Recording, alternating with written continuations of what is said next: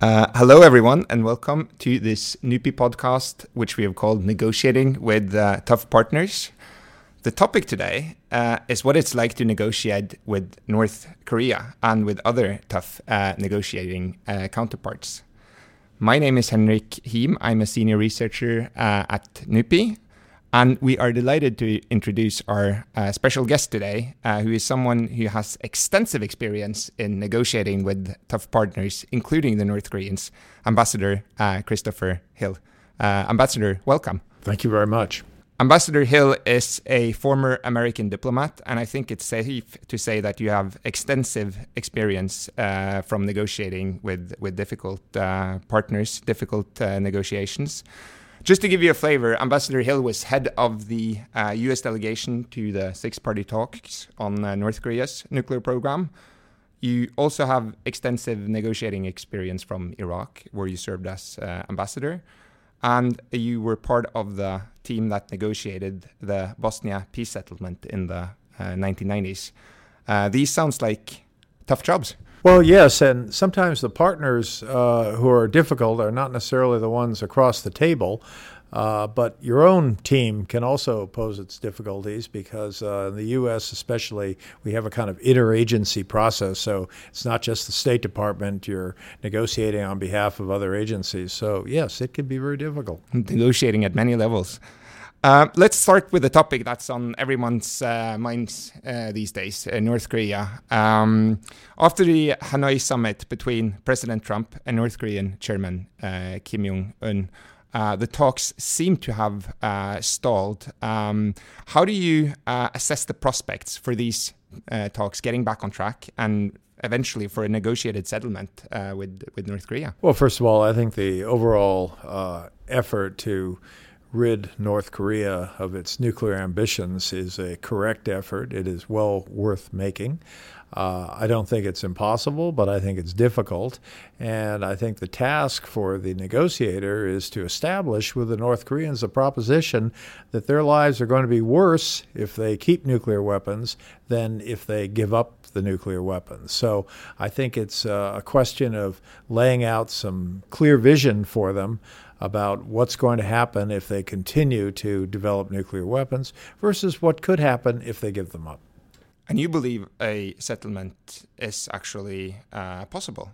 Well, possible means it's greater than 0% chance, and yes, I do. And I think uh, the fact of the matter is that North Korea could have a better future without nuclear weapons. I don't think nuclear weapons can protect it. Uh, and so, frankly, I think the North Koreans need to listen to what our side has to say. Uh, as I mentioned in the introduction, you have uh, extensive negotiating uh, experience with the North Koreans. Um, could you tell us a little bit more what it's like to negotiate with them? They are known for being tough uh, counterparts. Uh, they are very tough. they know their subject. they're well educated and they have a lot of they tend to have a lot of experience. Uh, American negotiators come and go, and usually it's the same North Koreans.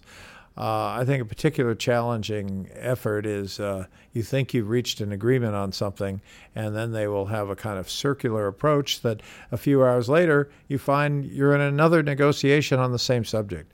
So I think you have to uh, be very clear with them that you're not there to waste your time and that you're there as, as long as they're prepared to make progress. And if they're not, you need to be prepared to walk out.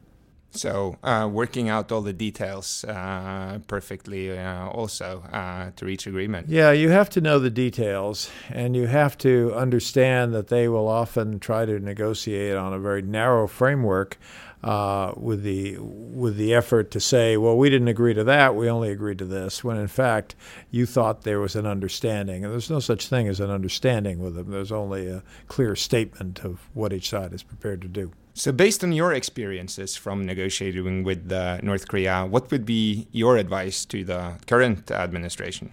Well, uh, I think the current administration needs to be guided by the uh, experience of the past. Uh, I think to some extent the current administration sort of thinks uh, everything began with it, and I think it needs to do a better job of understanding what happened before.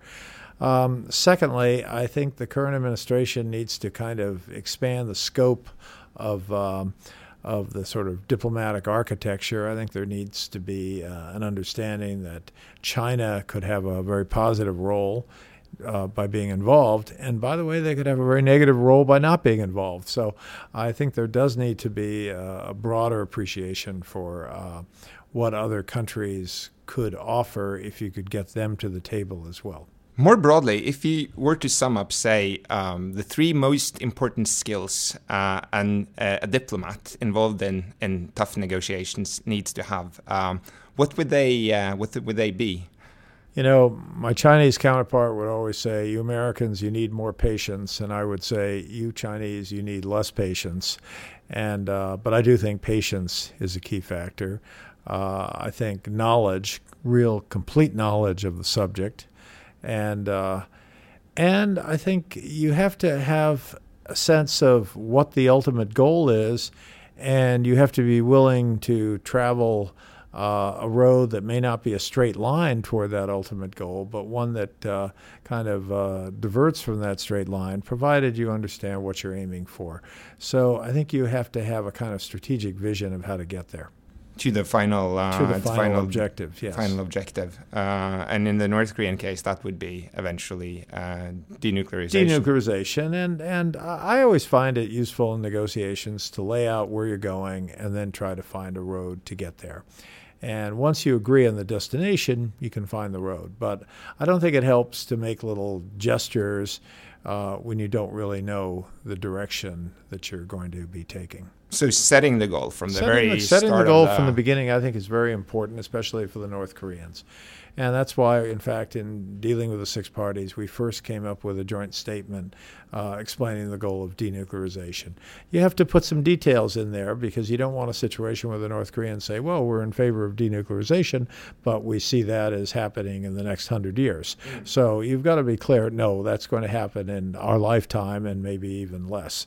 So you have to kind of lay out where you're going, what the sort of more or less the time frame is, and what you're prepared to do in order to help get there. That seems to be an issue um, currently also with um, North Korea negotiations or North Korea talks uh, that uh, there is no agreement in terms of what denuclearization uh, actually means. You know, I didn't appreciate when I was negotiating getting all this uh, advice from others who didn't really know what was going on in the negotiation. So I'm sure they don't appreciate my comments on on some of this as well.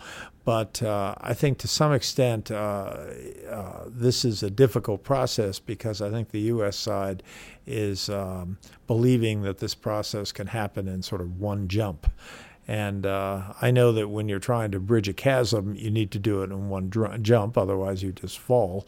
Uh, but uh, I think there needs to be an understanding that North Korea has never done anything in one jump and that you have to go on a step by step basis. Uh, finally, I was wondering if you could tell us a little bit about uh, the state of diplomacy uh, in in the U.S. because there seems to be, um, you know, uh, potentially uh, an issue of of in, in, the State Department in particular with a with a lot of people quitting, the, the uh, morale reportedly being being low. So, what's your your take on this? Well, I think it's it's a, a historic problem right now. And it's not just that there are many positions unfilled. Uh, positions are getting filled under Pompeo, if not under Tillerson, but they are getting filled. The problem is, are the are they being filled in a way to make those positions consequential? Uh, does it matter who the assistant secretary is to East Asia, who should be doing the negotiations? Is that being filled by a consequential individual who will be a player? And so I think uh, it's not just a question of the uh, of the vacancies, but rather a question of to what extent uh, the administration will turn to the professional services. So I think there's uh, been a lot of damage. Mm. Uh, by the way, it didn't just start with uh, President Trump, but certainly it's accelerated under President Trump. And I and I do believe whoever follows President Trump will have a lot of work to do to try to get these uh, uh, departments, especially in the State Department, to, to function properly, and then to uh, empower people to do their jobs. So that's true in any corporation, but it's especially true in the State Department. So our process has been too much sort of top run run by the? Yeah, I think we have a president who is used to running a family business and is trying to make the U.S. government into a family business, and meaning that he he'll only deal with people who he can actually see in the room. And in fact, uh, when you have these departments of several thousands of people, you need to trust in the systems that operate. And uh, so I think. Uh, kind of uh, strangely, there uh, because so many people from this administration have come from business, they don't seem to understand that uh, you need to be able to trust in the institutions and, frankly, give some trust to the so-called wiring diagram of the institutions. And so, uh, we'll have to see how that develops.